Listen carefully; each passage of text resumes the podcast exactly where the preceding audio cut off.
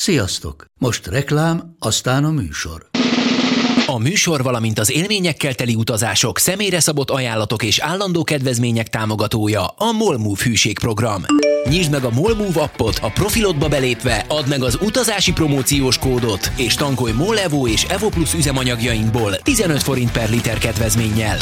Ne feledd, az utazási promókóddal most még jobban megéri Molmove tagnak lenni.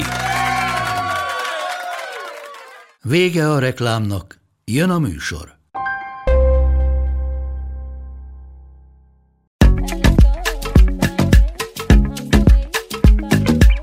Sziasztok, drága hallgatók! Én Máta András vagyok, ez itt az Utazási Podcast 19. része.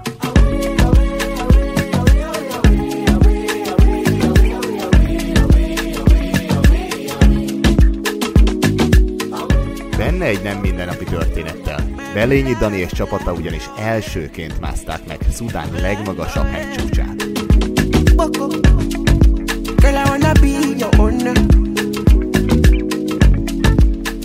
De mégis hogyan? Merülhet fel bennetek jogosan a kérdés. Nem lövöm le előre a poént, inkább csak hallgassátok végig Belényi Dani szudáni kalandjait.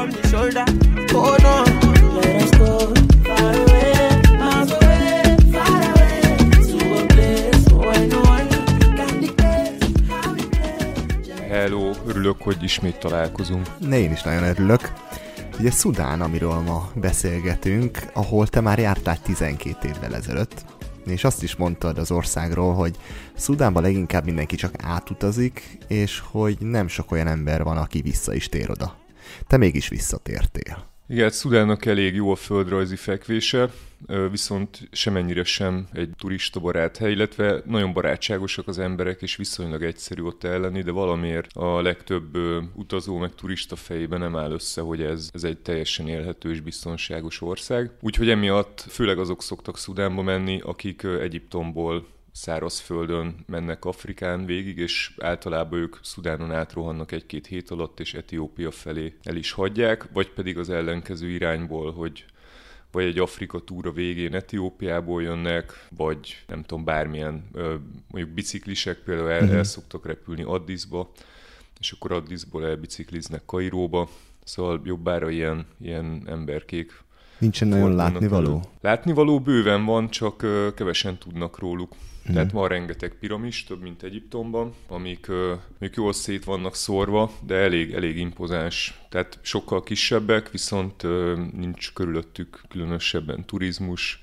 Tehát nem épült Tehát, rájuk semmi? Nem, nem. Hát van egy ilyen fő szájt, ami eléggé kiépül, de a többi az nem, azok így benne vannak a, a pusztába. Úgyhogy mm. ott el lehet bóklászni egyedül. És a Szudánra is igaz az, amit ugye általában Afrikáról szoktak elmondani, hogy, hogy ott kétféle módszer van hogy vagy a nagyon drága, vagy a nagyon csóró és nagyon lassú és nagyon szívás utazás? Ö, igen, hát a drágához annyit hozzátennék, hogy nincs ott olyan infrastruktúra, hogy az ember nagyon drágán utazzon, uh-huh. tehát azok tudnak nagyon drágán utazni, akik befizetnek egy európai cégnél, és akkor ö, 4-5 ezer euróért ö, körbeviszik őket, és akkor tényleg kapnak terepjárót, meg a körülményekhez képest legjobb szállást.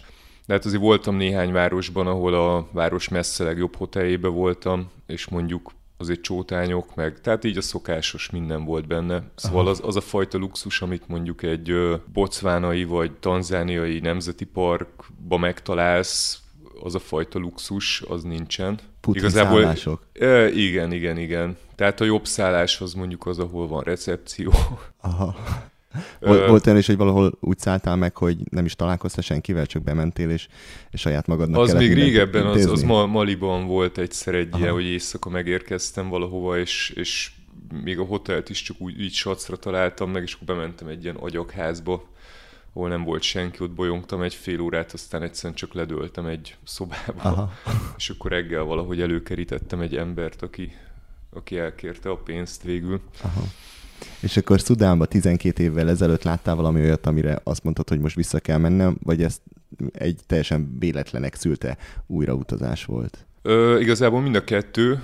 Az első utamon két gyerekkori barátommal voltam, és hát ilyen őrültködés ment végig.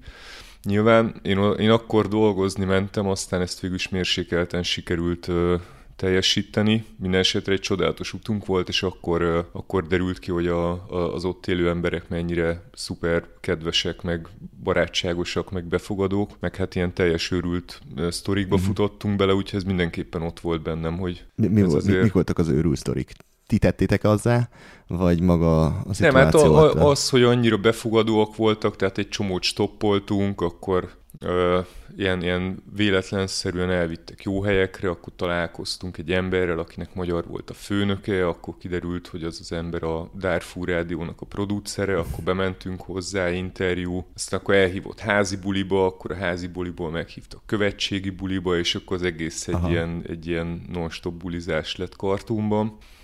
Miközben a, a Nílus parton egy 120 éves gőzösön függőágyaztunk, és tényleg ilyen napi 5 dollárból próbáltunk meg ellenni. Úgyhogy aztán a végén meg hát szárazföldön mentünk le Kairóból, és akkor visszafele meg már repültünk, mert na mindegy, szóval hogy megmaradt Aha. bennem az, hogy ez egy, ez egy teljesen szuper hely, de hát így valahogy túl nagy a világ, úgyhogy nem, nem sodródtam vissza. És akkor most egyik barátomat, tehát tavaly decemberben egyik barátomat meglátogattam Kairóba, és akkor neki hirtelen ja, el kellett... Sándor? Így van. Uh-huh. És akkor neki egy ponton el kellett utaznia, nekem meg két hónappal későbbre volt repjegyem, és akkor gondolkoztam, hogy akkor most így mi legyen. Mit kéne csinálni? Mert igen, és akkor hát ugye arra ez a pénz nem el. Tehát mondjuk Izrael felé lehet elmenni, de hát az, az egy elég drága hely, meg azt így elég alaposan felfedeztem már úgy, hogy az kiesett. Akkor Líbia az most nem olyan biztonságos, meg ott is a, a hozzáférhető részeket nagyjából megnéztem egy pár éve egy munka kapcsán, és akkor maradt az, hogy Szudán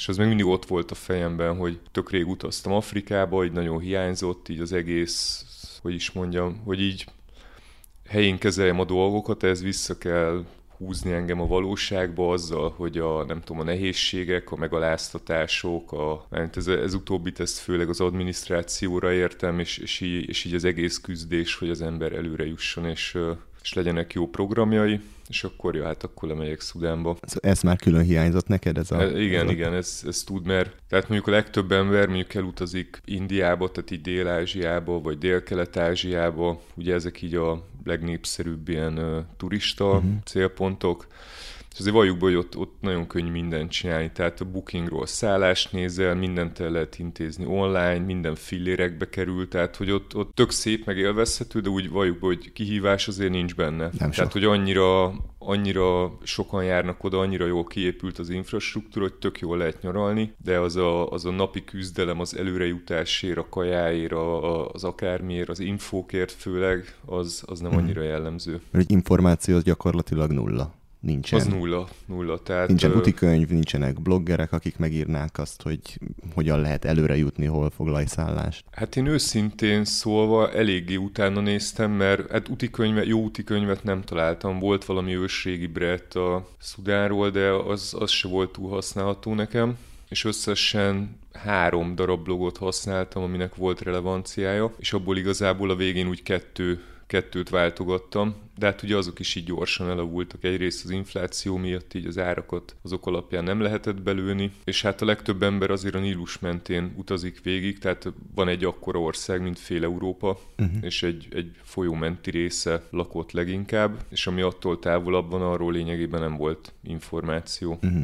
Tehát téged, mondjuk, téged pont az érdekelt? Hogy... Engem pont az érdekel, de hogy emiatt így, így azért kellett küzdeni, tehát így nagyon sokat kellett helyiekkel dumálni, akkor ilyen, nem tudom, a neten képeket nézni, hogy hát ha találok egy olyat, ami, ami úgy, úgy megfog olyan szempontból, hogy hú, ezt meg kéne nézni, de nem tudom, hogy micsoda, meg hogy hol van. Uh-huh. És aztán szép lassan így, így, így előre küzdöttem magam más utazóval, külföldivel nem is nagyon találkoztál? Tehát maximum hát láttál... egy hónap alatt találkoztam egy francia biciklis lányjal, láttam egy csoportot, akik oh. ilyen terepjárós akármin voltak, meg a végén Kartumba együtt laktam egy japánnal. Uh-huh. Tehát mondjuk ez így 30 napnak a az nem semmi. Az átlaga. Hm. A, a japán srácra jutott eszembe a helyiek és a pénz viszonya, amiről az egyik cikkedben írtál is tényleg ennyire rossz viszonyban vannak a számokkal? Nem, valójában, tehát ebben van egy nagy adag humor is, de, de ö, szóval két dolog van a, a számokkal. Az egyik az, hogy az infláció miatt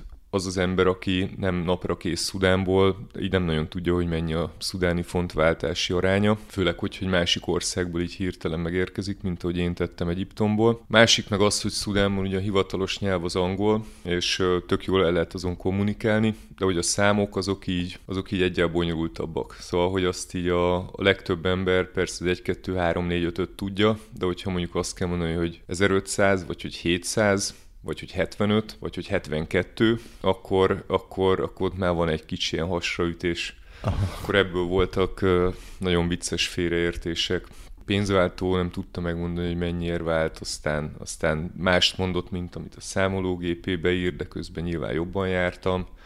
Vagy hát nem annyira nyilván, de hogy, hogy tehát ő se hülye azért vagy szobára alkudva nem tisztáztuk, hogy a 1500 az, az, az oké, okay, az 1500, de hogy a szoba mennyibe kerül, és akkor végén a faszil írt, hogy 250.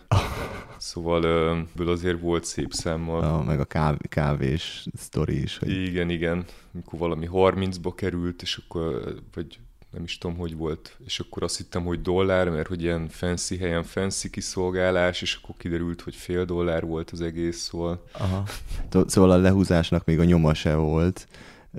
Talán azért, mert ők maguk se értették a számokat, vagy azért, mert ennyire becsületesek? Nem, lehúzás az általában nem jellemző. Mm néhányan megpróbálkoznak, és akkor, hogyha partner vagyok benne, akkor, tehát mondjuk stoppolásnál volt olyan, hogy el akartam menni A-ból B, ugye sivatagba, tehát így, hogyha éppen nem arra megy a, a sofőröm, akkor, akkor vagy gyalogolok, vagy rá kell venni valahogy, hogy vigyen közelebb a célomhoz, és akkor ott volt olyan, hogy akkor bekonyarodtunk valahova, akkor oda akarok menni, jó, akkor adjál valamennyi pénzt, és akkor tudod, mindig van a magyarázat, hogy a tankolás az akármi, Aha. ami végül is ilyen pár kilométereknél nem annyira releváns, de hát érted, most szívességet kérek, szívességet tesznek, és pár dollárokról van szó, úgyhogy nem, nem volt gond ebből. Uh-huh.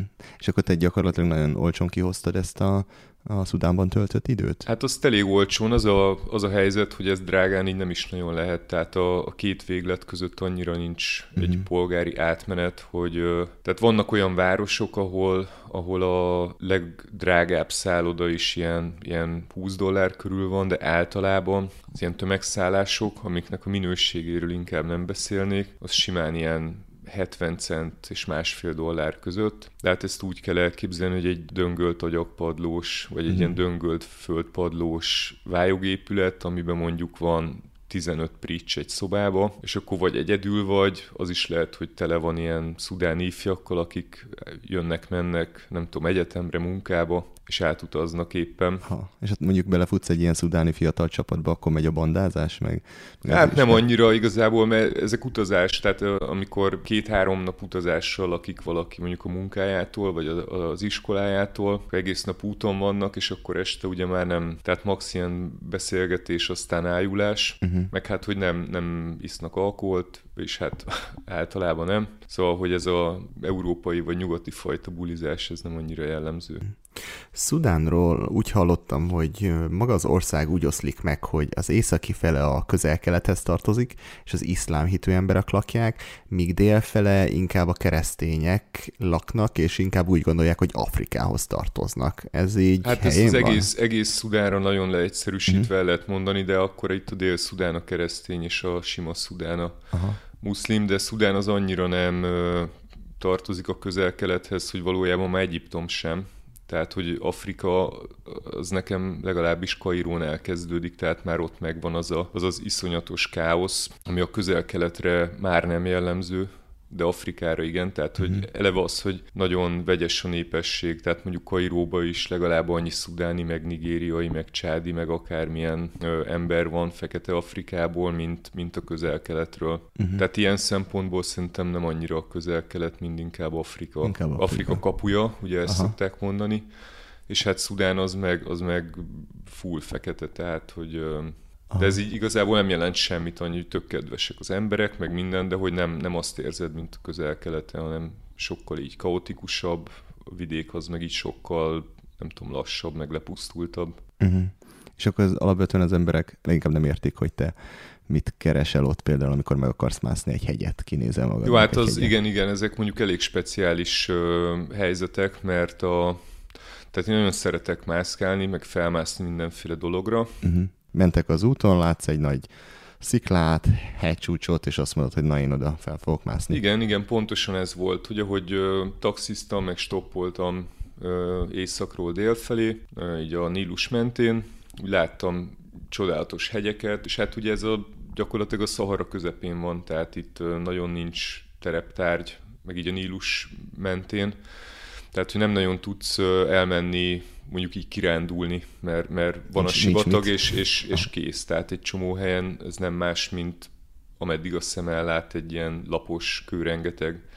És akkor mégis voltak ilyen néhány száz méter magas kiemelkedő sziklák, és akkor igen, néhánynál kitaláltam, hogy annak fölmegyek a tetejére, akkor azt úgy azért valamennyire meg kellett tervezni, mert el kellett oda stoppolni, aztán begyalogolni a sivatagba, és akkor eb, e, ehhez nem volt semmilyen használható információ, szóval minden Ez abszolút semmi, mert hát ez nem olyan, amit így uh-huh. a helyiek vagy bárki valaha megmászott volna, mert hát így teljesen értelmetlen. Helyiek minek mennek oda föl, az, sőt, minek bolondnak néznek. Föl, igen. igen, meg azért ezek elég, tehát ilyen magas sziklás dolgok, szóval volt egy pár hely, ahol így mászni kellett egy kicsit, aztán egy másik úton lejönni. De nyilván tehát azt kizártnak tartom, hogy senki nem ment oda föl korábban, meg találtam nyomokat is, amik arra utalnak, hogy valahol valamiért valaki oda fölment valamit csinálni, de hát így nem jellemző, szóval így akkor a legközelebbi falvakba ott így szóltam az embereknek, hogy így, ha hó, fölmegyek a hegyre, oda, és akkor így értetlenkedtek, meg minden, aztán, aztán csak hogy tudják, hogy legalább mhm. egyszer ott voltam, és elindultam. Mert hogy itt teljesen magadra vagy utalva. Tehát, persze, hogyha ott valami persze. történik, leesel a szikláról, akkor... Nem, akkor semmi, akkor az addig tart, amíg meg nem találnak. Tehát Aha. ott csak saját erőből lehet fölmenni, meg lejönni. Hm. És mondjuk, amikor elmész megmászni egy hegyet, akkor szólsz a helyieknek, hogy te most elmentél oda mászni, és ha mondjuk három napig nem jössz, akkor kezdjenek el keresni téged? Hát ezt, ezt nem is kell mondani, ezt tudják maguktól. Tudják, aha. És hogyha mondjuk valami történne, akkor el is indulnának és keresnének. Hát téged. vélhetően igen. Aha. Ha más nem, akkor legalább azért, hogy a szobában lévő cuccaimat, nem tudom, hogy azzal mit csináljanak, vagy, vagy persze, tehát azért, azért ebben van felelősségük nekik is. Aha. És akkor viszed magaddal a vizet, viszel egy kis kaját. Igen, általában azt szoktam, hogy egy kiló banán, egy kiló grapefruit, mondjuk három liter víz, és akkor tudom, hogyha minden kötél szakad, azzal két napig el vagyok valahogy. Aha. És akár fönn is aludnál ott? Tehát készültél ilyenre is? Vagy, nem, ilyenre abszolút nem. Nem, nem hát ez ilyen puszta szikla, tehát akkor oda kéne vinni rendes hátizsákot, fel, az éjjel hideg van, szóval hogy akkor ahhoz viszont meg kell felszerelés, uh-huh. legalább egy hálózsák, de meg több víz. Uh-huh. Tehát nyilván más az, hogy valahogy túléled sztorit, meg más az, hogy jól érzed magad közbe. Uh-huh. És ahhoz, hogy jól érezzem magamhoz, akkor kellett volna vinni mondjuk 8 liter vizet, meg nem tudom. Szóval, hogy igazából min- minél jobban akarod magad érezni, annál több mindent kell Persze. cipelni akkor annál nehezebb, annál lassabban mész, uh-huh. és akkor nem is beszélve arról, amikor fölmásztam, lejöttem, és akkor utána mondjuk három órát gyalogoltam a sivatagba az út mellett, mert nem volt forgalom. Nem jött autó? Nem jött autó. Aha. Szóval amikor jött, akkor elvittek 5 kilométert, akkor megint gyaloglás, aztán jött egy másik, az elvitt 10 hogy ilyen helyiek, uh-huh. akkor csak felugrottam a pikápra, de hát így mentek egyik faluból a másikba, úgyhogy... És általában felvesznek? Tehát van... Túlnyomó többség Vagy kiállsz az útra, és itt aztán senki nem megy át, biztos, hogy meg fogtok állni, kiállsz az út közepére, és azt mondod, hogy stop. Nem, nem, nem. Nem, általában megállnak. Uh-huh. Uh-huh. És a víz, amit viszel, erről posztoltál egyébként, hogy milyen vizet ittál egy pár napig. Ez az a víz, vagy, vagy itt már azért? Igen, ez egy nagyon érdekes sztori. Szóval Szudánban mindenhol látsz az utak mellett, meg a városokban óriási ilyen agyag korsókat, agyag hombárokat, amikbe víz van. Ezek általában le vannak takarva valamivel, hozzájuk van láncol, vagy nem is párgával hozzájuk van kötözve valami fémbögre, és akkor a helyiek ebből isznak. Mindenki ugyanabból. Mindenki ugyanabból. De hát ugye ez így a későbbiek fényében nem lesz már akkora extra, és akkor egyik szállásomon éjszaka ki akartam menni a hát városba, szóval egy egy utcás valami, de valamiért városszerű, sokan laknak nagy területen, hogy kimegyek vizet venni, és mondta a tulaj, hogy, hogy ne menjek ki, hát itt, itt az ivóvíz. Hogy néztem, hát mondom, jó, oké, megmerítettem a, az üvegemet, és hát tök sárga volt a víz. De hát tudod, ott vagyunk a Szahara közepén, valójában minden sárga, tehát uh-huh. bármit kínhagyok, az belepi a por elég gyorsan. Úgyhogy gondoltam, hogy jó, hát van benne egy kis homok, por nem számít, majd leülepszik, vagy nem. De hogy akkor így ez van. És akkor így ittam, nem lett tőle bajom, akkor másnap is ittam, aztán gondoltam, hogy na jó, akkor ezt egy kicsit azért fel kéne forralni, mert tényleg nem tudom, hogy miből van. Felforraltam, akkor is ittam, és így így két nap után így van, ez így azért nagyon nem jó, tehát így lehet kapni palackozott vizet, így mégiscsak európai vagyok, így vissza kéne állni rá. Kérdeztem a faszit, hogy hol szűritek meg ezt a vizet, és így milyen vizet? És hát mondom ezt, amit iszom. És akkor milyen szűrés? Mondom, hol szűritek meg? És így, ja, ez sehol, ezt itt innen hozzuk a Nílusból, és így lemutatott a mellettünk lévő folyóra, hogy ott szokta megtölteni. Ami onnan északra van az összes koszmocsok, és minden benne van. Igen, mondjuk szerencsére nem Egyiptomba voltunk, ahol már még egy, még egy kis extra belement volna, de hát azért, tehát az, hogy a helyiek azt hiszák, az egyáltalán nem jelenti Aha. azt, hogy nekem is ezt kéne. Úgyhogy aztán onnantól kezdve akkor radikálisan átálltam a, uh-huh. a palackozottra. Hát ez tényleg csoda, hogy nem lett semmi bajod. Beleittál abba. Hát gyakorlatilag Nílusba bele. Igen, igen. Aha. És igen. hogy kerül, azt tudod, hogy hogy kerül a folyóból ezekbe az agyag edényekbe a víz? Hogy az, hogy va- Semmi leviszik az edényt, megtöltik. De hogy így erre van egy szakosodott van ember, aki szamár, ezt... meg, meg kordé, meg ilyesmik. Aha. Tehát ezt megoldják. Megoldják. Aztán hát beszélgettem a, az egyszem átutazómmal, mondta, hogy hát ő, ő meg biciklivel volt, Addisból ment Kairóba, és hát mondta, hogy ő se szívesen issza ezt, de hát ugye bringával, meg néha Nílus menti út azért egy 10-20-30 kilométer eltávolodik a folyótól, és mondta, hogy annyi vizet nem tud magával vinni, amennyi, amennyi egy ilyen napi túrához, vagy napi tekeréshez kell, úgyhogy néha ő is rákényszerült. Uh-huh. Azt ott mesélt valami súlyos sztorit, hogy nem tudom, vagy egyik ilyen turiszt meghalt, aki ebből ivott, ami teljesen reálisnak tűnik. Aha. Aztán így nekem is lett tőle egy kis gondom, diagnosztizáltam magam a neten, kiderült, hogy ez valami parazita lehet, elmentem a gyógyszertárba, hogy adjanak rá valamit, és úgy látszik nem én voltam az első, aki ilyennel Aha. megkereste őket, úgyhogy szemrebbenés nélkül mondták, hogy igen, az leraktak elém két gyógyszert, hogy akkor melyiket kérem, melyik a jobb, mindegy, akkor az olcsóbbat, az volt mondjuk fél dollár, és akkor azt mondta, hogy egy hétig kell szedni. Bevettem az elsőt, és egy 10 percen belül minden bajom elmúlt. És akkor azért végigszettem az egy hetet, de akkor már semmi bajom nem volt. Uh-huh.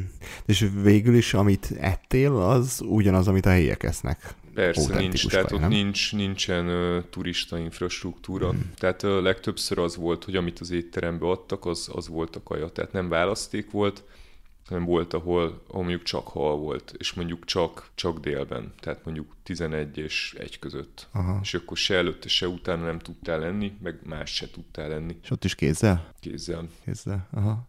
Hát akkor még, végül is, hogy volt, többször is rosszul voltál, vagy csak ez Nem, az nem, nem. Hát akkor ez hatalmas szerencse azért. Persze, de amúgy Aha. így nagyon sok tiszta dolgot esznek, tehát a, ez is az én hülyeségem volt nyilván. Tehát mondjuk például nagyon, valamiért nagyon megy a fánk. Fánk. Ö, nem fánk alakú, kicsit olyan, mint a, hm, inkább ilyen golyószerű, de fánk íze van, és fánk állaga van. Tehát tészta, Aha. egy ilyen tészta golyót beraknak olajba forró kis. olajba, és így esetleg megszórják porcukorra és akkor mondjuk ilyeneket nyugodtan lehet tenni, mert Aha. forró olajtól nem lesz sok bajod, meg a húsokkal sincs semmi, mert azokat is így általában jól átsütik. Uh-huh. De hát az éttermél, tehát én hiába mondom azt, hogy úgy ennék egy csirkét, amikor azt mondják, hogy nem tudom, tegnap vágtunk kecskét, és akkor a faluba lévő mindhárom helyen, ahol adnak enni, mind a három helyen kecske van. Mondjuk ugyanaz. Ugyanaz. És akkor jó, hát csirkát majd talán holnap. Aha. És a piacokon, én, én úgy képzelem el, hogy ott azért nagyobb a választék, és ott az ember talál mindenféle dolgokat. Vagy hát a piacon ott találsz, csak az még ugye messze van a készételtől. Tehát, hogyha mondjuk tudsz csirkét bontani, meg ilyesmit, akkor tudsz magadnak sütni, de, de nyilván tehát a nagyobb városokban ott ez kevésbé probléma, de így a vidéken ott, ott elég korlátozottak a lehetőségek. Aha és említetted ezt a közösen egy pohárból, akkor akár egy étterembe is leültök, és, és egy pohárból iszik az egész asztaltársaság. Igen, igen, tehát kín van egy pohár, meg egy kancsó, egy műanyag kancsóba víz, és akkor, akkor mindenki abból tolja. Az tök jó. Említetted, volt, kártumban helyekkel bandáztatok a két nílus, a kék és fehér nílus összefolyásánál. Hogy hogy néz ki egy ilyen, hogy a helyiekkel bandázol? Hát ez tulajdonképpen tehát ez egy, van a kartum közepén egy elég nagy sziget, az a neve, hogy Tuti, egy tuti hely egyébként. Tuti hely. Tuti hely, és a, a partján, mármint amikor éppen nincs víz alatt, nyilván vízállástól függ nagyon sok minden, akkor kihordanak a helyiek több száz műanyagszéket, kitelepül több tucat néni, kardamomos, meg gyömbéres kávét, meg teát csinálni, akkor megjelennek a helyi fiatalok, akik mondjuk ilyen motorcsónakkal körbevisznek, Tehát így kiépül egy komplett ilyen, ilyen Kis mini fesztivál. szolgáltató, igen, ilyen mini, mini fesztivál. Akkor van, aki kihozza a lovát, és akkor lehet lovagolni, valaki kihoz egy kvadot, akkor lehet kvadozni. Akkor vannak, akik a legközelebbi aszfaltúttól egy ilyen ö, tüskés sövénnyel így ö, lezárják a részt, és akkor, akkor bérelni kell tők csónakot, hogyha nem akarsz körbe mindenhol, akkor elvisznek egy ö, Hát a távolság mondjuk 50 méter, de akkor ugye elvisznek a Níluson egy ilyen 5 perces ilyen mini, mini tripre, Aha. és akkor fizetsz érte mondjuk fél dollárt, szóval ilyen nem nevezném egyébként lehúzásnak sem, mert nagyon vicces. Tehát, Mhm. uh-huh. hogy, hogy olcsó, és a helyiek is ezt, ezt csinálják, annyi, hogy, hogy ahelyett, hogy sétálnának 5 percet, ahelyett 5 percet ülnek egy, egy motorcsónakba, és akkor ott megtesznek a végén egy 50 méteres távot, hogy ne kelljen átmászni a tüskés bokrokon. Aha. Közben megy a zene, Közben alkohol megy a folyik? zene, alkohol az nem folyik. Hát az egy, az egy másik szegmens, amihez idő kell, hogy az ember azt felfedezze. Tehát, Aha. hogy így nagyon nem lehet alkoholba belefutni, de ha az ember keresi, akkor így azért szokott adódni alkalom. Mhm. És nem is isznak? Vagy, vagy úgy, mint Iránban, amit talán még meséltél is, hogy illegális otthoni sörfőzések mennek? Igen, hát itt a sör nem megy, itt datojából készítenek rettenetes minőségű dolgokat, Aha. Illetve hát mondjuk palackozott viszkit találtam, azt meg Kamerunba gyártják, és csátból Uh-huh. csempészik. Szóval igazából így hozzá lehet férni dolgokhoz, de, de minek? Tehát Aha. egyszerűen annyira meleg van, hogy az ember így nem nagyon kívánja. Uh-huh. És mondjuk, amikor megjelensz egy ilyen, a helyiek ott éppen szórakoznak, akkor te mennyire kapsz ilyen kitüntetett figyelmet? Tehát megjelensz, és akkor mindenki oda rohan hozzád, vagy inkább távolságot tartanak, Nem, egy beszélgetnek, csomószor oda jönnek, akkor izé közös szelfizés, ugye az, a, az, az, az megy most nagyon Megy a az közös utóbbi, igen, az utóbbi években. Akkor ilyen alapkérdések, ki vagy, honnan jöttél, stb. Uh-huh. És Mhm. aztán, amikor már mindenki kiszelfizte magát, akkor általában hagynak. Aha, tehát ilyen nagyon mély beszélgetésekben azért nem nagyon lehet Hát abban így elég nehéz. Aha, és mi érdekli őket?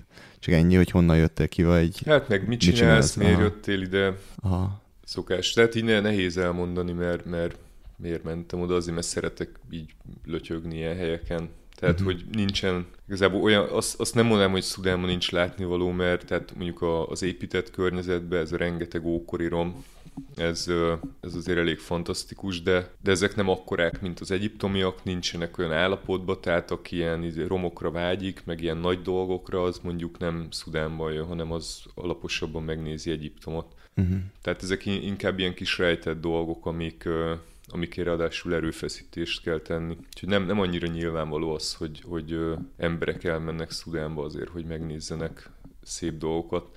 És a táj az meg olyan, hogy hát az is tök szép, de hát sivatag, szóval kb. semmi nincs benne. Uh-huh. Legalábbis amerre jártam, ez mondjuk nem kevés hely. És hát van az országnak azért egy óriási nagy szegmense, ami, ami számomra tök ismeretlen, ez a Vörös-tengeri partvidék, amiről mindenki azt mondja, hogy fantasztikus. Uh-huh. Tehát az ilyen hegyes, teljesen ott városok sincsenek, az tök érintetlen. És oda is elmentél? Hát annak a peremére mentem, és az így ki is jelölte a célt, hogyha legközelebb visszamegyek, akkor mindenképpen oda Akkor érdemes az lesz a menni. következő. Aha. Mert ott, ott tényleg semmi nincs. Csak a sivatag, a tenger. Uh-huh.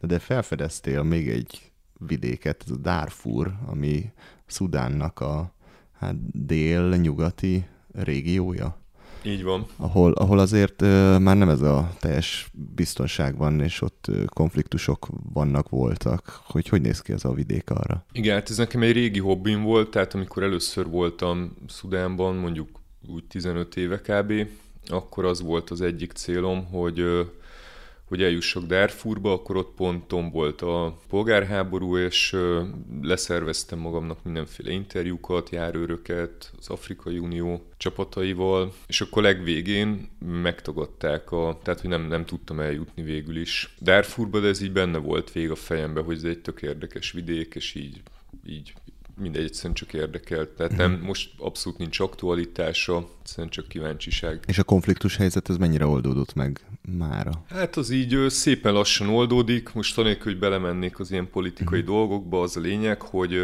hogy az utóbbi években egyrészt így a gazdaság egy kicsit elkezdett összeomlani, meg ugye a pénzük, tehát hogy így egyre nagyobb az elszegényedés, Viszont ezzel párhuzamosan, meg a, a, az addig regnáló elnöktől, Omar al-Bashirtól, egy katonai tanács, és utána pedig egy civil összefogás átvette a hatalmat, tehát nyilván a katonai, katonai tanács vezetett, és akkor mellette a civilek valamilyen szinten ö, jogot kaptak arra, hogy idővel valamilyen formában beleszólhassanak a, uh-huh. az ország sorsába. Minden esetre ez az egész ez azzal járt, hogy egy, ö, egy ilyen elég, eléggé látványos ilyen politikai enyhülés következett be, amit én abból szűrtem le, hogy, hogy egyre több olyan emberrel találkoztam, tehát hogy nyilván kérdeztem, hogy lehet utazni Darfurba, hogy mi van Dél-Kordofán tartományba, a dél-szudáni határnál, meg egy pár ilyen helyen, ahova így szívesen mentem volna, és mindenki azt mondta, hogy jó, gyere nyugodtan, most teljesen jó, tök normális a helyzet. Úgyhogy gondoltam, hogy akkor ezzel lehet, hogy érdemes lenne futni egy kört, uh-huh. és akkor valóban, tehát meg most volt az az időkapu, ami, ami lehetővé tette, hogy már elég szabad ahhoz, hogy még menjünk, viszont mivel még nincsen rendezve semmilyen konfliktus, ezért nem tudni, hogy ez, ez így is marad-e. Minden esetre most volt, volt egy pár hónap, amikor ezt meg lehetett csinálni. Mm-hmm. Az országnak a többi részén ebből a konfliktusból semmit nem is lehet érezni? Hát nem nagyon, legfeljebb annyi, hogy, hogy mondjuk sok Darfuri van Kartumban, de hát az egyébként is normális, mert mm-hmm. mégiscsak egy főváros. Uh-huh. Szóval, hogy amúgy is arra felé tendálnak a, a legtöbben, tehát ilyen taxisok, diákok, ilyesmi, mindenki nagyon kapacitált, hogy menjek. Uh-huh. Akkor kiderült, lehet menni, és akkor elhatároztad, hogy akkor Darfur, és hogy mikor jött az az ötlet, hogy akkor meg kéne mászni ott ezt a bizonyos hegyet, amit, ez, amit, amit megmásztál? Ez, egy, ez meg egy teljesen máshol induló sztori, tehát én vezetek túrákat, aminek az a különlegességük talán, hogy olyan helyekre szervezem, ahova mások nem. Tehát, hogy engem azok a helyek érdekelnek, ahol, amiket más nem ismer. És aztán úgy alakult, hogy a, a tavaly volt Irakban egy egy ilyen kis csoportos, nagyon kis csoportos túrám, és akkor ott mondták a srácok, hogy ők, ők megmásznának további ö, csúcsokat is Afrikában, erre-arra. És amikor lementem Szudánba, illetve korábban elkezdtem szervezni dél-szudáni túrát, ami tulajdonképpen így anyagi okok miatt nem jött létre, de tehát lehetséges volt az. Tehát akkor már tudtam, hogy igazából csak pénzkérdés az, hogy lemenjünk Dél-Szudánba, ott megmásszunk egy jó nagy hegyet, és utána visszajöjjünk, és miután ott voltam Szudánba, gondoltam, hogy na, akkor ezt érdemes lenne megpróbálni, megnéztem, hogy hol a legmagasabb hegy, az Dél-Darfurban van, és akkor végül is egy hónap utazás után találkoztam egy végre egy emberrel, aki azt mondta, hogy igen, ezt meg lehet csinálni, és tud segíteni a szervezésben. Uh-huh. Meddig az volt, hogy találkoztam ezekkel az önjelölt guidokkal, meg ilyen mindenféle ilyen turisztikába magát beleártó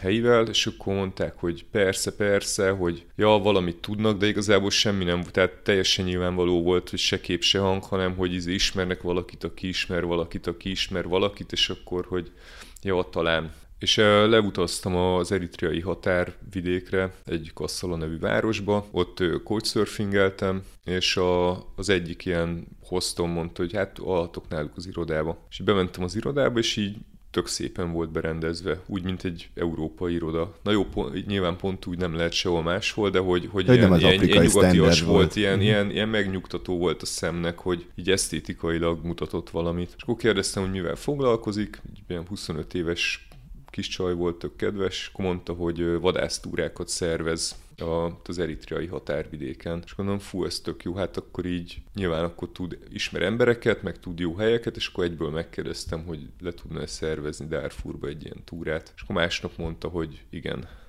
Úgyhogy akkor egyből küldtem haza az üzenetet, hogy akkor jövő hónapban akár lehet jönni Darfurba, és meg tudjuk mászni Szudán legmagasabb csúcsát. Uh-huh. Ez ugye, a, azt még tegyük hozzá, hogy az az új Szudánnak a, tehát ugye Szudán ketté vált, és ezért lett egy új, új csúcs igen, tehát akkor ez, ezzel így a, a, az elején felvetett mondatodat le is lövöm, tehát ez, ez, ez nem egy olyan csúcs, amihez mászni kell, vagy túl magas lenne, ez 3000 méter fölött van egy kicsivel. Ez azért alakult így, mert a, a régi Szudán, tehát ami mondjuk 10 évvel ezelőtt volt Dél-Szudánnal együtt, annak a legmagasabb csúcsa Kinyeti, az most Dél-Szudánhoz tartozik. Tehát Szudán legmagasabb csúcsa, az ö, gyakorlatilag Dél-Szudán kiválása óta lett Igen. a legmagasabb. És mivel viszont azóta polgárháború van, ezért az garantáltan nem mászta meg senki. Lehet, hogy ilyen helyi pásztorok voltak fönn, de mondjuk akikkel mentünk, ők se voltak Igen. még. Ők meg tipikusan azt kérdezik, hogy oda miért menne föl bárki. Így van, így van. Szóval, hogy ők se voltak, és akkor ebből következett, tehát nyilvánvalóan voltak fönn azon a csúcson, mert hát láttam is róla fotót. Uh-huh. Tehát egy darab fotót találtam a neten erről de a akkor még nem az volt Szudánnak a Nem, nem, nem. Az, az, az, az, az, csak egy csak, pont volt. Igen, az, az volt a második legmagasabb, és egy, hát egy elég impresszív, mert egy óriási kráterben két két tó, ilyen gyönyörű vulkáni környezet. Ha megtaláltad ezt a fotót akkor? Er, hát igen, egy, egy darab elég rossz minőségű kép volt a neten, most egy kicsit teleszemeteltem, úgyhogy ha jobbat találtok, az valószínűleg az enyém már. És tehát az a lényeg, hogy azon a csúcson voltak fönn korábban, de akkor még nem Szudán legmagasabb csúcsa volt, tehát ez igazából parasztvakítás, ami, amiről beszélünk, klikvadászat de működik. Tehát én, így amikor elolvastam, akkor így e, elsőre nem esett le. Tehát az ember elolvassa, és akkor így bele sem gondol, és utána kezdtem el, hogy, hogy ez most hogyan, hogy, hogy, hogy ott nem tudom, évezredeken keresztül nem volt ember, meg, és akkor szépen lassan, amikor végig gondoltam, akkor leesett, és azt a, ez de jól hangzik, és hogyha most nem tudom, megkerestél volna, hogy figyelj, van egy ilyen lehetőség, hogy Szudán legmagasabb pontját először megmászni, és indul egy ilyen kvázi expedíció, akkor én is egyből jelentkeztem volna, mert ez már így tök jó hangzik. Uh-huh. Legyen clickbait, vagy nem, de uh-huh. én megvettem volna. Az igazság, hogy ebbe annyira nem gondoltunk bele, hogy ezt mi is akkor raktuk össze, amikor már lefelé jöttünk. Igen. Tudod, ez egy, Danikám, hogy is van ez, hogyha hogy ez Szudán legmagasabb pontja, viszont akkor ki volt itt előttünk, tehát kimászta meg, és akkor hát mondjuk 15-20 éve lehet, hogy megmászták, na várjál, de akkor még nem ez volt a legmagasabb, te figyelj, ezt mi először, tehát ez, ez volt az első megmászása uh-huh. így ebben a formában, és akkor fú, nagyon jó, hát akkor ennek van egy kis extra sportértéke. Uh-huh. Mert hogy csatlakozott hozzád az iraki útról más is? Ö, igen, hát tulajdonképpen ők, ők a felfedező, felfedezőim, én pedig a, a szervező vagyok. Uh-huh, uh-huh. Úgyhogy ezért ezek a túrák nincsenek is meghirdetve, és semmiatt csatlakozni se lehet. Hát itt ezekkel a túrákkal az a gond, a legnagyobb, hogy nagyon nehéz egyrészt költségvetés készíteni rájuk, másrészt időben meghatározni, hogy ez mennyi ideig tart. Szóval úgy néz ki, hogy hát ugye a repülőjegy az egy tétel, de hogy e, emellett így kellenek engedélyek, belső repülés, terepjáró bérlés, és akkor még csak ott vagy, és nem tudod, hogy milyen egyéb kihívásokkal kell szembenézned. Uh-huh. Úgyhogy most is nagyjából az történt, hogy megnéztem a térképet, beszéltem a helyiekkel, azt mondták, hogy jó, ez körülbelül egy egyhetes túra Kartumból. Rendben, akkor így szerveztük le, így vettük meg a hazarepjegyet, a Darfuri repjegyet oda-vissza, stb.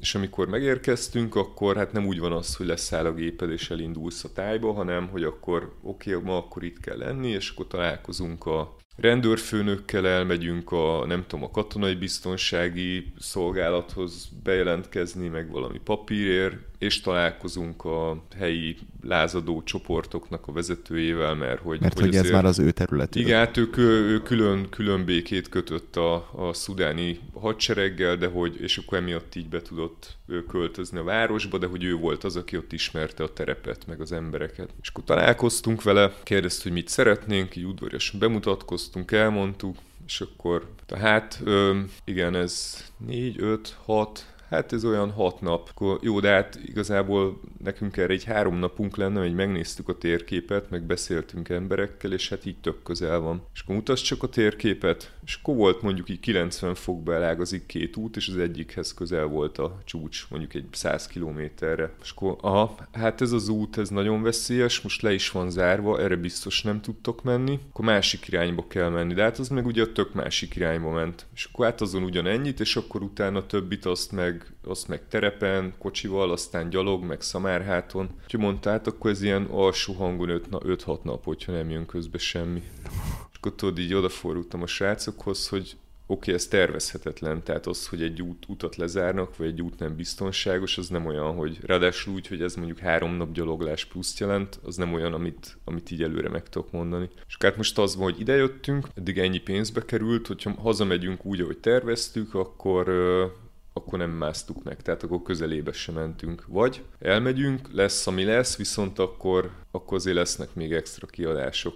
viszont uh-huh. akkor elég jók az esélyeink. És akkor jó, hát akkor hajrá. Tehát, hogy ez olyan hely, ahol nem mész vissza Persze. soha többi, meg sose lesz jobb. És még így a repülő, visszafele repülőbe még belefértetek? Tehát, hogy nem, az, abban az... se, semmiben. Nem, nem. nem ez és egyöntetően mindenki mondta, hogy benne van, és menjetek.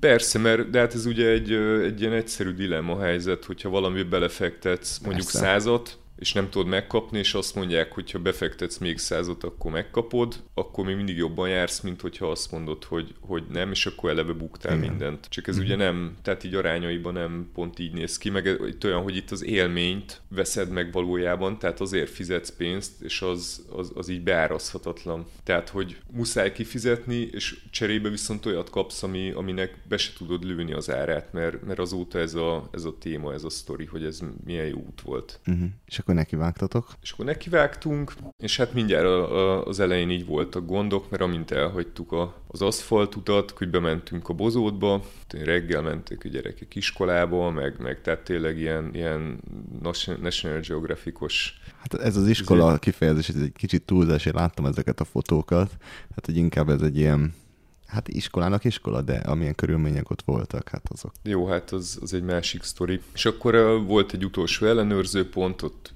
meghívtak egy üdítőre, meg kicsit el kellett beszélgetni a katonákkal, és akkor mondták, hogy jó, hát akkor lehet tovább menni. És így hajtottunk fel egy hegyre, és akkor az utolsó kép az volt, hogy két ilyen járőrjeep, mind a kettőnek uh, ilyen állványos gépfegyver a hátulján, és akkor kettő között meg így kifeszítve spárgák, azon száradnak a ruhák, meg az egyiken egy hordó víz, és akkor itt én abból ott fürdenek a katonák, és hát így jó kicsit ilyen medmexes. Elhagytuk őket, és egy pár perccel később így megálltunk egy tisztáson, és így ott körbevettek ilyen gyerekek, és így ilyen fegyverekkel, macsetével, és ilyen, aha, így húzta maga után a macsetét, ilyen rasztahaj, ballonkabát, napszemüveg, klasszik. Hány évesek?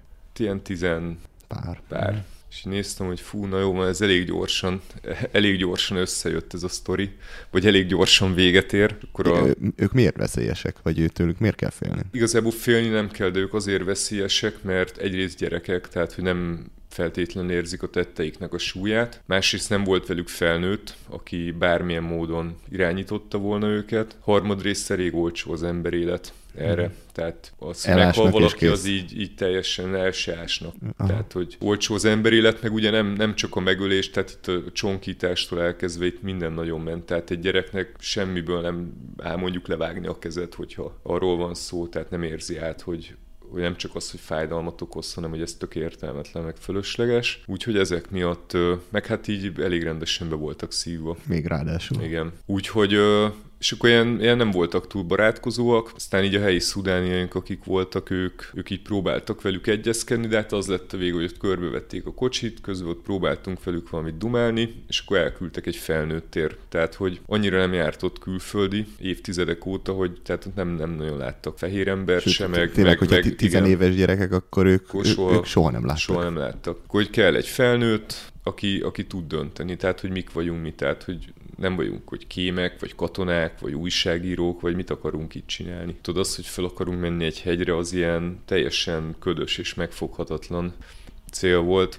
Úgyhogy szépen aztán a következő napok azok nagyjából azzal teltek, hogy ilyen fél napokat várakoztunk különböző embereknek az engedélyére, a véleményére, vagy az, hogy megjelenjen és döntést hozzon. Uh-huh. És hát nekik egy tök új helyzet volt, mert ugye nem, nem tudtak velünk mit csinálni, nem, nem tudták, hogy mik vagyunk. Gondolom senki nem mert dönteni mindenki tovább passzolt Nem, mert a felettesének. amikor a parancsnok helyettes azt mondta, hogy jó, menjünk, akkor fél órával később megállítottak, és akkor kellett várni két órát, hogy jó, de az a parancsnok helyettes volt, hogy a parancsnok az nem mondott rá semmit, mert nem volt ott, vagy nem tudom, és akkor ott kell aludnunk. Akkor jó, akkor ott alszunk, és akkor másnap összegyűlt a én a faluba sok ember, akkor kitaláltak valamit, hogy akkor, akkor nem tudom, fizessünk ennyi pénzt, és akkor, akkor valamit ők adnak cserébe. És akkor mondtam nekik, hogy nem, mert hogy nekünk mások a, tehát mások a prioritásaink, minden tovább akarunk menni, nem akarunk itt maradni, nem akarunk egy csomó minden jó, akkor megint visszamentek, újra tárgyalták, jöttek, mondom, hát így ez már közeledik. És amikor végre megértették, hogy tényleg nem tehát nem volt nálunk fényképezőgép, nem volt nálunk kamera, nem volt nálunk fegyver, nem volt nálunk látványosan sok készpénz, tehát hogy nem az volt, hogy ilyen 100 dolláros kötekből ott izé minden röppentek, hanem így keményen megalkuttunk mindenre. Akkor végén így mutattuk neki az előző évi iraki mászásunknak a csúcsfotóit, ahogy állunk fönn, kurzászló, magyar zászló, hideg van, sok ember, akkor mondták, hogy na jó, akkor valószínűleg mi tényleg azok vagyunk, de és akkor tovább engedtek egyik faluból a másikba, és akkor következő nap ugyanez és akkor szépen kellett egy olyan három-négy nap, mire ott elterjedt a környéken, hogy itt most van egy ilyen expedíció, és onnantól kezdve olajozottan ment. Tehát inkább azt mondom, hogy a, a vége az már egész jól ment. És Ezekben a túrákban az érdekes, hogy ezek megismételhetetlenek. Tehát, hogyha én ezt úgy próbáltam meg volna leszervezni, vagy vezetni, hogy előtte oda megyek és végjárom én, akkor hát egyrészt jó eséllyel nem jött volna velem senki, mert ugye annyira körülményes, meg annyira, tehát fizikailag óriási kihívás volt ez, hogy több napot Szamárháton, tehát én úttalan utakon, hegyek között, éjszaka gyalogolni, gyorsan gyalogolni cuccokkal, és vagy Szamáron ugyanezt, és így minden nap más helyzetekhez alkalmazkodni. Ez az, hogy vittek egyik helyről a másikra, vagy ez már maga a túra volt? Ez már maga a túra, és Hát lényegében a kettő az ugyanaz volt, tehát hogy maga... Tehát mindig haladtatok előre, mentetek előre, mindig, és éppen... Minden nap haladtunk előre, csak így lassan, tehát ilyen pár órákat, mert napfele az mindig azzal telt, hogy kik vagyunk, mit csinálunk, hova megyünk, de, de, de, de. Az ellátást azt tőlük kaptátok? Igen. Uh-huh. És velük, tehát velük ők, ettetek, te, velük Igen, igen, tehát teljesen önellátóak, viszont semmilyen, tehát ugye nyilván, hogyha turista nincs évtizedek óta, akkor semmi nincs olyan, ami, ami, ami nekünk külön van. Úgyhogy csomószor, tehát az volt a reggeli, hogy mondjuk egy ilyen feldrabolt kecskét forró vízbe megfőztek. És akkor ugye nem volt fűszer, nem volt íze, nem is volt jó, tehát ilyen rágós volt, meg nem tudom, de hogy az, azt tették ott a helyiek a hegyek között, és akkor... Ti is ezt tettétek. És akkor mi is ezt, tehát hogy nem, nem tudunk így ennyi kaját vinni, hogy patakokból inni, tehát nincs egyszerűen, egyszerűen nincs más megoldás. Uh-huh. Úgyhogy emiatt vittem mondjuk tíz energiaszeletet, szerintem a felét hazahoztam, mert, mert valami mindig volt. Aha, ez tök jó. És aludni pedig ott aludtatok velük együtt, ahol Igen, hát ilyen aludtak? leginkább ilyen fűkunyhókba, ilyen mindenféle tákolmányokba, Aha. de a fűkunyhó volt a leggyakoribb, ilyen döngölt agyagfal. Ha, de hát ez, ez autentikus. Ez az, teljesen. Az, az, de az, tehát nem is lett volna más. Tehát ö, akármit találunk ki, max annyi lett volna, hogy szabad ég alatt ugyanez. Mm Uh-huh. És bármi olyan helyzet, amikor kicsit így elmérgesedett a szituáció, vagy, vagy mondjuk bárki, mint mondjuk ezek a gyerekkatonák kicsit erélyesebben léptek fel ellenetek, vagy veletek? Ne, nem, minden helyzet megoldódott. Hát egyszer volt olyan, hogy akartak kérni tőlünk pénzt, sok pénzt arra, hogy hogy vigyázzanak a kocsinkra, amíg elmegyünk a hegyek közé. Akkor mondtuk, hogy nem fizetünk semmit, igazából az egyik ember amúgy se jön velünk, úgyhogy majd itt alszik a kocsiba és vigyáz rá. És akkor mondták, hogy nem, nem, nem, az egyáltalán nem biztonságos, neki se. Mondtuk, hogy jó, hát semmi gond, akkor megkérjük, hogy menjen el innen, és majd három nap múlva visszajön értünk, és akkor ó, innen nem lehet elmenni. És akkor így voltunk egy ilyen hatan, heten, ültünk körbe, és akkor mondtam nekik, hogy hát, hogyha jól értem, akkor ti most elraboltok minket, hiszen arról van szó, hogy követeltek egy irálisan magas összeget, és nem engedtek tovább menni. Tehát, hogy ez valamilyen fajta fogvatartás, vagy korlátoztok legalábbis a szabad mozgásban, és amikor meghallották ezt az elrablás szót, tudok, hogy nagyon elkezdtek tiltakozni, hogy nem, nem, nem, meg hogy az nem is úgy van, és mondom, de hát ez pontosan úgy van, hogy kértek egy csomó pénzt, és nem engedtek tovább, ha nem fizetünk. És akkor ez így valahogy így ezen ment a lamentálás, akkor megjelent egy ilyen idősebb nagy darab pali, aki mondta, hogy ő itt a tanár, és így mindenkit elzavarta. Katonákat francba. is?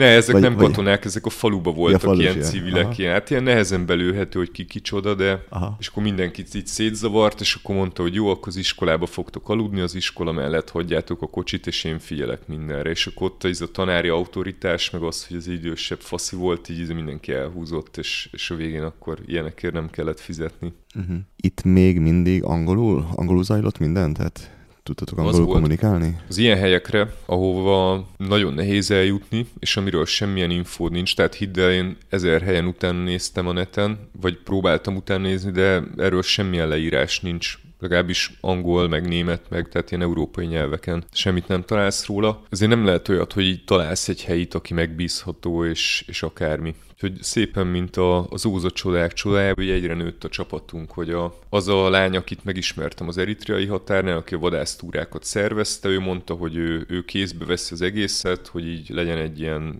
struktúra, meg hogy ő ismer embereket, és akkor neki valamilyen unokatessói vonalon felbukkant egy ember, aki Darfurban élt, és ott nem tudom, dolgozott az ENSZ-nek, meg tehát egy csomó embert ismert, jól beszélt angolul, ismerte a mit, katonai parancsnokot, ismerte ezt, ismerte azt, csádi oldalon is ismert mindenféle emberkéket, és akkor ő meg behúzott egy másik helyit, az meg egy ilyen rendes Darfuri Darfuri, aki meg azokban a falvakban dolgozott egykor, ilyen humanitárius koordinátor volt, aki, vagy ahova meg egyébként mi terveztünk menni. Tehát ő meg konkrétan ismerte a, azokat a helyeket, meg néhány embert, kivel útba, útközben találkoztunk.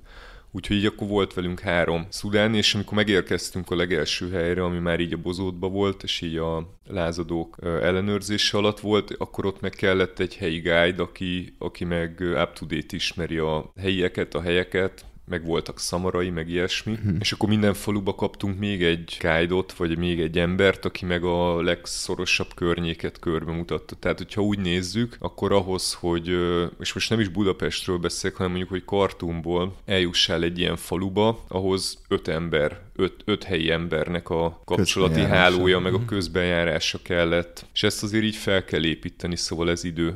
Ezt uh-huh. nem, mhm. nem lehet csak így spontán kitalálni, hogy fú, elmegyek és megnézem, és... Ez közbeépült fel. Hát ez közbeépült fel, meg azért erre volt egy ilyen jó két hónap. Tehát uh-huh. amíg elkezdődött a levelezés, hogy jó mennénk, és hogy néz neki, legyen ember, tödödö, addigra így, uh-huh. tehát ez kellett idő, hogy összeálljon.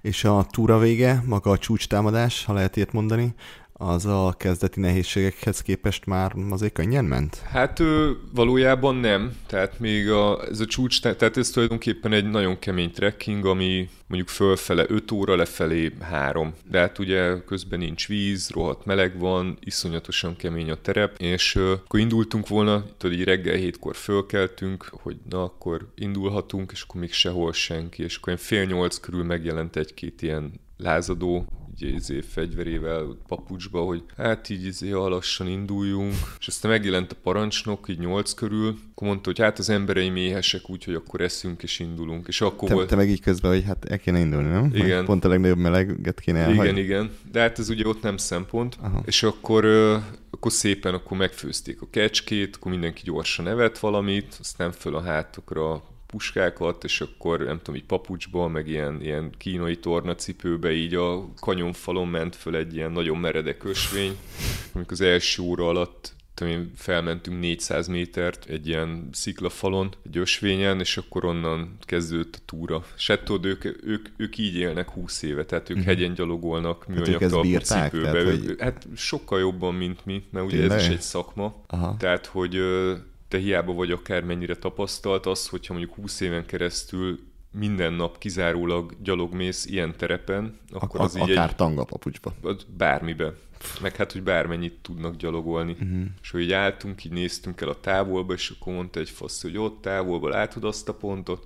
De ha hát így, így ott voltam tegnap éjjel, hogy elgyalogoltam oda, mert nem tudom, kellett valakivel találkoznom, és akkor mit tudom, ilyen 20 kilométer, és akkor hát elindul, aztán visszajön. Úgyhogy Ja, úgyhogy nem, nem, nem is technikailag volt kemény, meg nekik főleg nem, hanem, hanem inkább a, így az egész kombó, hogy, hogy későn indulsz, legnagyobb meleg van, de aztán végén így, így a helyiek is átéreztünk, egy ki bontakozott a látvány, akkor már... Tetszett nekik? Tetszett nekik, és, nagyon. És akkor ők azt mondták, hogy nem is voltak még ott fenn Aha, soha? Nem, nem voltak, és így mutogatták körbe, hogy oké, okay, akkor arra van Nyugat-Darfur, az ott Dél-Szudán, akkor itt ez van, ott az van, ilyen falu, olyan hegy, Hát pedig ők ugye, ők ugye katonák, tehát akár katonai szempontból is fontos lehet megfigyelni dolgokat, vagy feltérképezni. Hát nem? itt más, más, más, más, hogy járnak az infók. És milyen érzés volt felérni és meglátni a két tavat a kráterben? Ja, hát ez csodálatos volt Ö, igazából az érdekes, hogy ö, engem olyan dolgok érdekelnek főleg, amit nem láttam még korábban, és ezeket a tavakat, ezeket egyszer láttam egy képen, és így ahhoz képest, ö,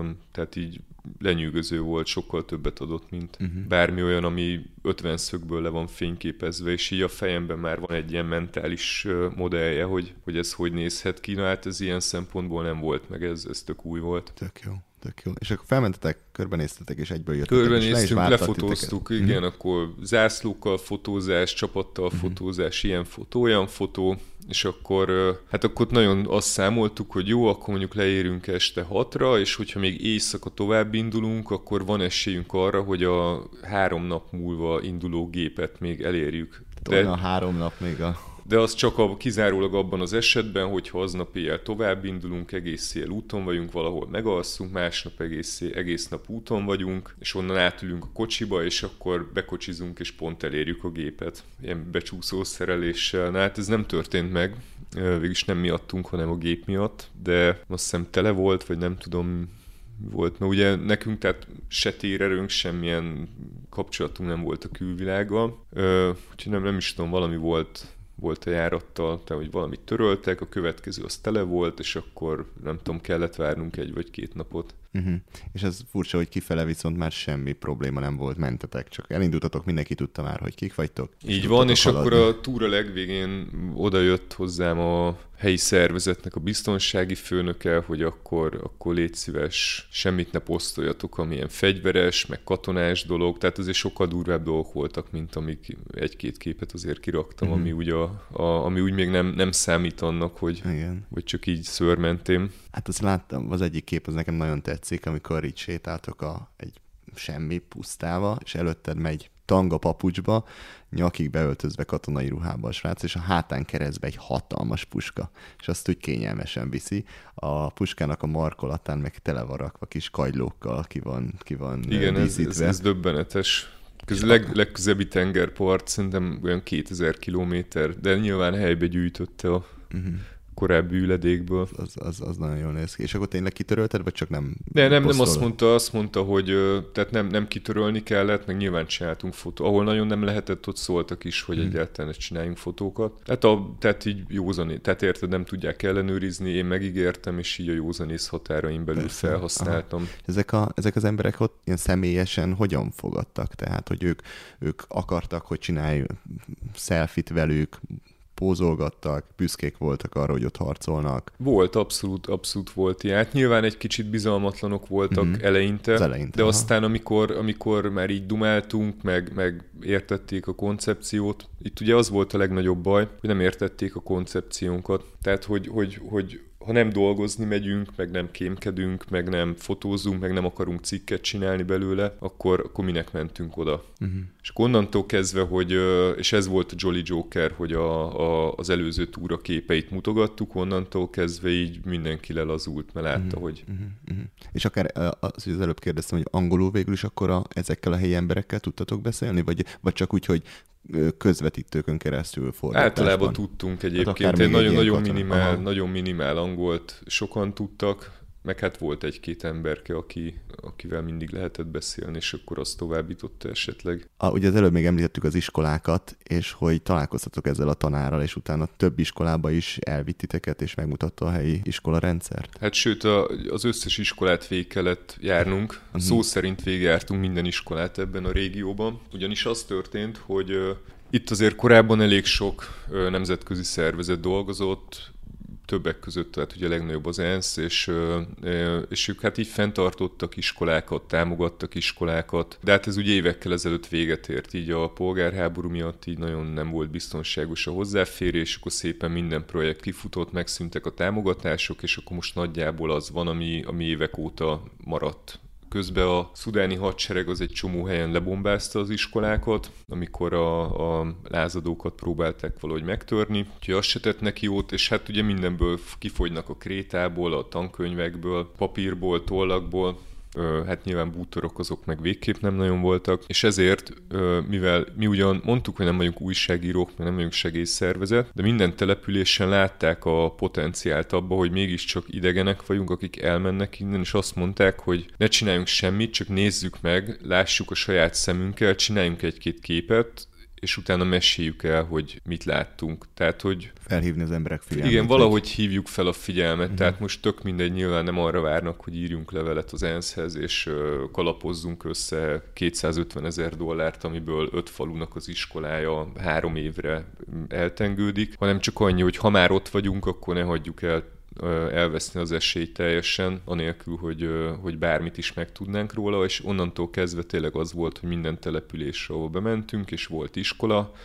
ott jött a tanár, jöttek a tanárok, és akkor elvittek, bemutatták a termeket, elmesélték, hogy mik a problémák. Úgyhogy ilyen szempontból egyébként ja, hát elég súlyos volt, mert azért ezek az iskolák, ezek lényegében ablaktalan kőházak, amiben deszkákon, tehát ilyen gerendákon ülnek a gyerekek, tehát nincs pad, nincs asztal. Uh-huh. Amit fölírnak a táblára, azt vagy megjegyzik, vagy nem, de ugye nincs papír, tehát az, hogy jegyzetelés vagy ilyesmi, az nem nagyon jellemző. És akkor egy-két helyen, ahol vélhetően ilyen közép szintű oktatás folytott, viszont találtam jegyzeteket, például fénytan, tehát ilyen beesési szögek, meg ilyesmi, tehát hogy tanulnak rendesen egy csomó mindent, tehát fizikát, meg angolt, meg kémiát, meg ilyeneket, de, de hát ugye ezt is így baromi nehéz lehet egy olyan helyen, ahol, ahol ennek kb. semmi relevanciája mm-hmm. nincs, tehát hogy nem, nem tud igazából egyetemre menni innen. Talán még az angol az, amelyikkel a legtöbbet érhetik el, nem? Talán... Hát igen, viszont az angol az meg olyan, mint nálunk az angol, hogy ez annyira egy alapskill, mint hogy tudjál vezetni, vagy, vagy valami, szóval az, hogy tudsz angolul, mm-hmm. az, az, az nem előny, viszont hogyha nem tudnál, az hátrány lenne. Mm-hmm. De gondolom ők egymás között a helyi törzsi nyelveken beszélnek. igen, igen. Mm-hmm.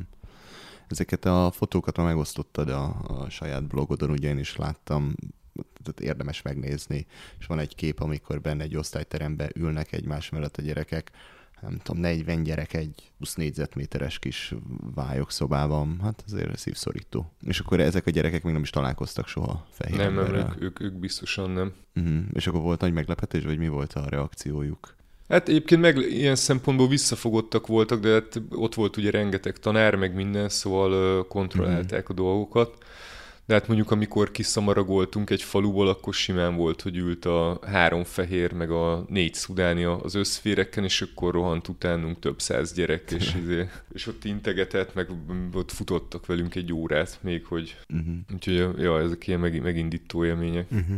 Az érezhető, hogy Szudán teljesen belepte magát a szívedbe, de meg tudod fogalmazni, hogy mi az, ami e- ennyire megfogott? Hát engem mind, általában engem az emberek érdekelnek, illetve uh-huh. azok a helyek, amikről nem tudok semmit. Uh-huh. Tehát a, most már a Nílus mentén valószínűleg nem nagyon fogok végigmenni, illetve hát van egy túrám, ami, amiben benne van ez is, akkor nyilván igen, de hogy magamtól most már azt a részt kimaxoltam, viszont a Vörös-tengeri régió az, az számomra teljesen ismeretlen, úgyhogy azt mindenképpen szeretném behúzni. Akkor a, ugye a Vörös-tengerben búvárkodás a szudáni részen az is egy teljesen más ö, szint, mint, mint Egyiptomban, egyszerűen azért, mert nincs annyira lemerülve. Uh-huh vagy túlmerülve. Hát plusz itt van ez a Darfur, ami, ami azért továbbra is nagyon érdekel, és azok az emberek, akik végül is együtt, akik velünk voltak egy 5-6 napot, ők azért nagyon kapacitálnak, hogy menjek vissza hosszabb időre, egy hónapra akár, és, és akkor körbevisznek mindenhol, akkor együtt tudunk élni mm. velük. Úgyhogy ez a másik, ami így nagyon foglalkoztat, hogy, hogy egyszer tényleg így szakítani egy hónapot és visszamenni, kb. így nem csinálni semmit, csak arra, hogy, hogy, hogy együtt legyünk egy hónapig, közben fényképezni, sztorikat gyűjteni, írni, hát ha tudok nekik segíteni bármiben, uh-huh. és akkor, akkor ebből egy, egy valamit összehozni. Uh-huh. Értem. Egyetlen egy kérdésem maradt Szudánnal kapcsolatban, hogy mi az a három szó, ami először eszedbe jut erről az országról? A meleg az mindenképpen benne van az első háromban. A barátság is, meg a sárga szín. Sárga. Oké. Okay. Rengeteg. Homosz. Mondjuk, hogyha összerakjuk ezt a három szót, hogy ö, barátság, meleg, sárga, akkor ez ö, egy kicsit, má- kicsit máshogy hangzik, de tényleg most ez volt az első három, ami ez, beugrott. Ez tök jó.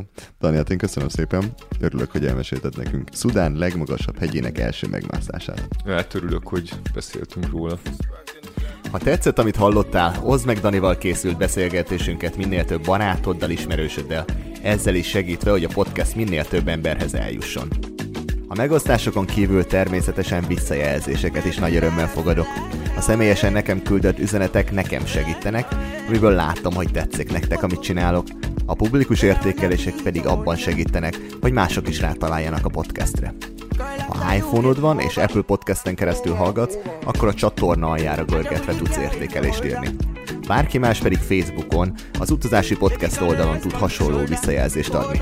Nektek csak egy pár perc, de az utazási podcastnek ez hatalmas segítség.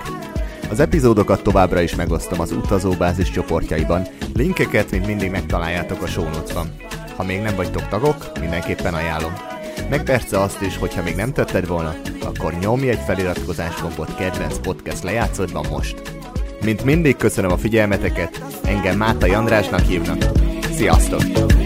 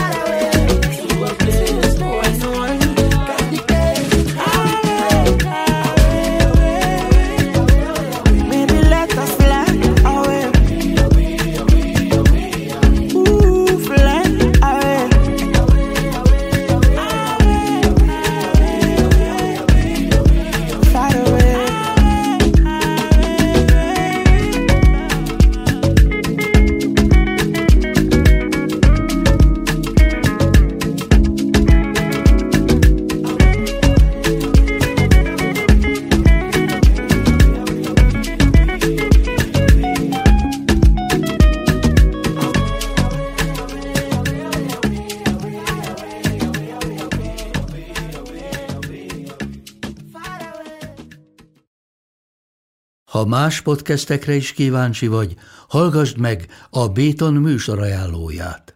El tudod képzelni, hogy a podcastet, amit éppen most hallgattál, fél év múlva már a mesterséges intelligencia generálja? Mi sem. De ha érdekel, eljött már a gépek lázadása. Hallgass bele az Embertelen podcastbe. Orsós Lajos vagyok, a műsor házigazdája. Egyelőre még élőben. Egyelőre. Fedezzük fel együtt, hogyan ismerkedik, randizik, mesél és vitatkozik Betty és Péter, két teljesen mesterséges intelligencia. Lajos, a podcast címét mond még egyszer, Léci. Oké. Okay. Embertelen podcast.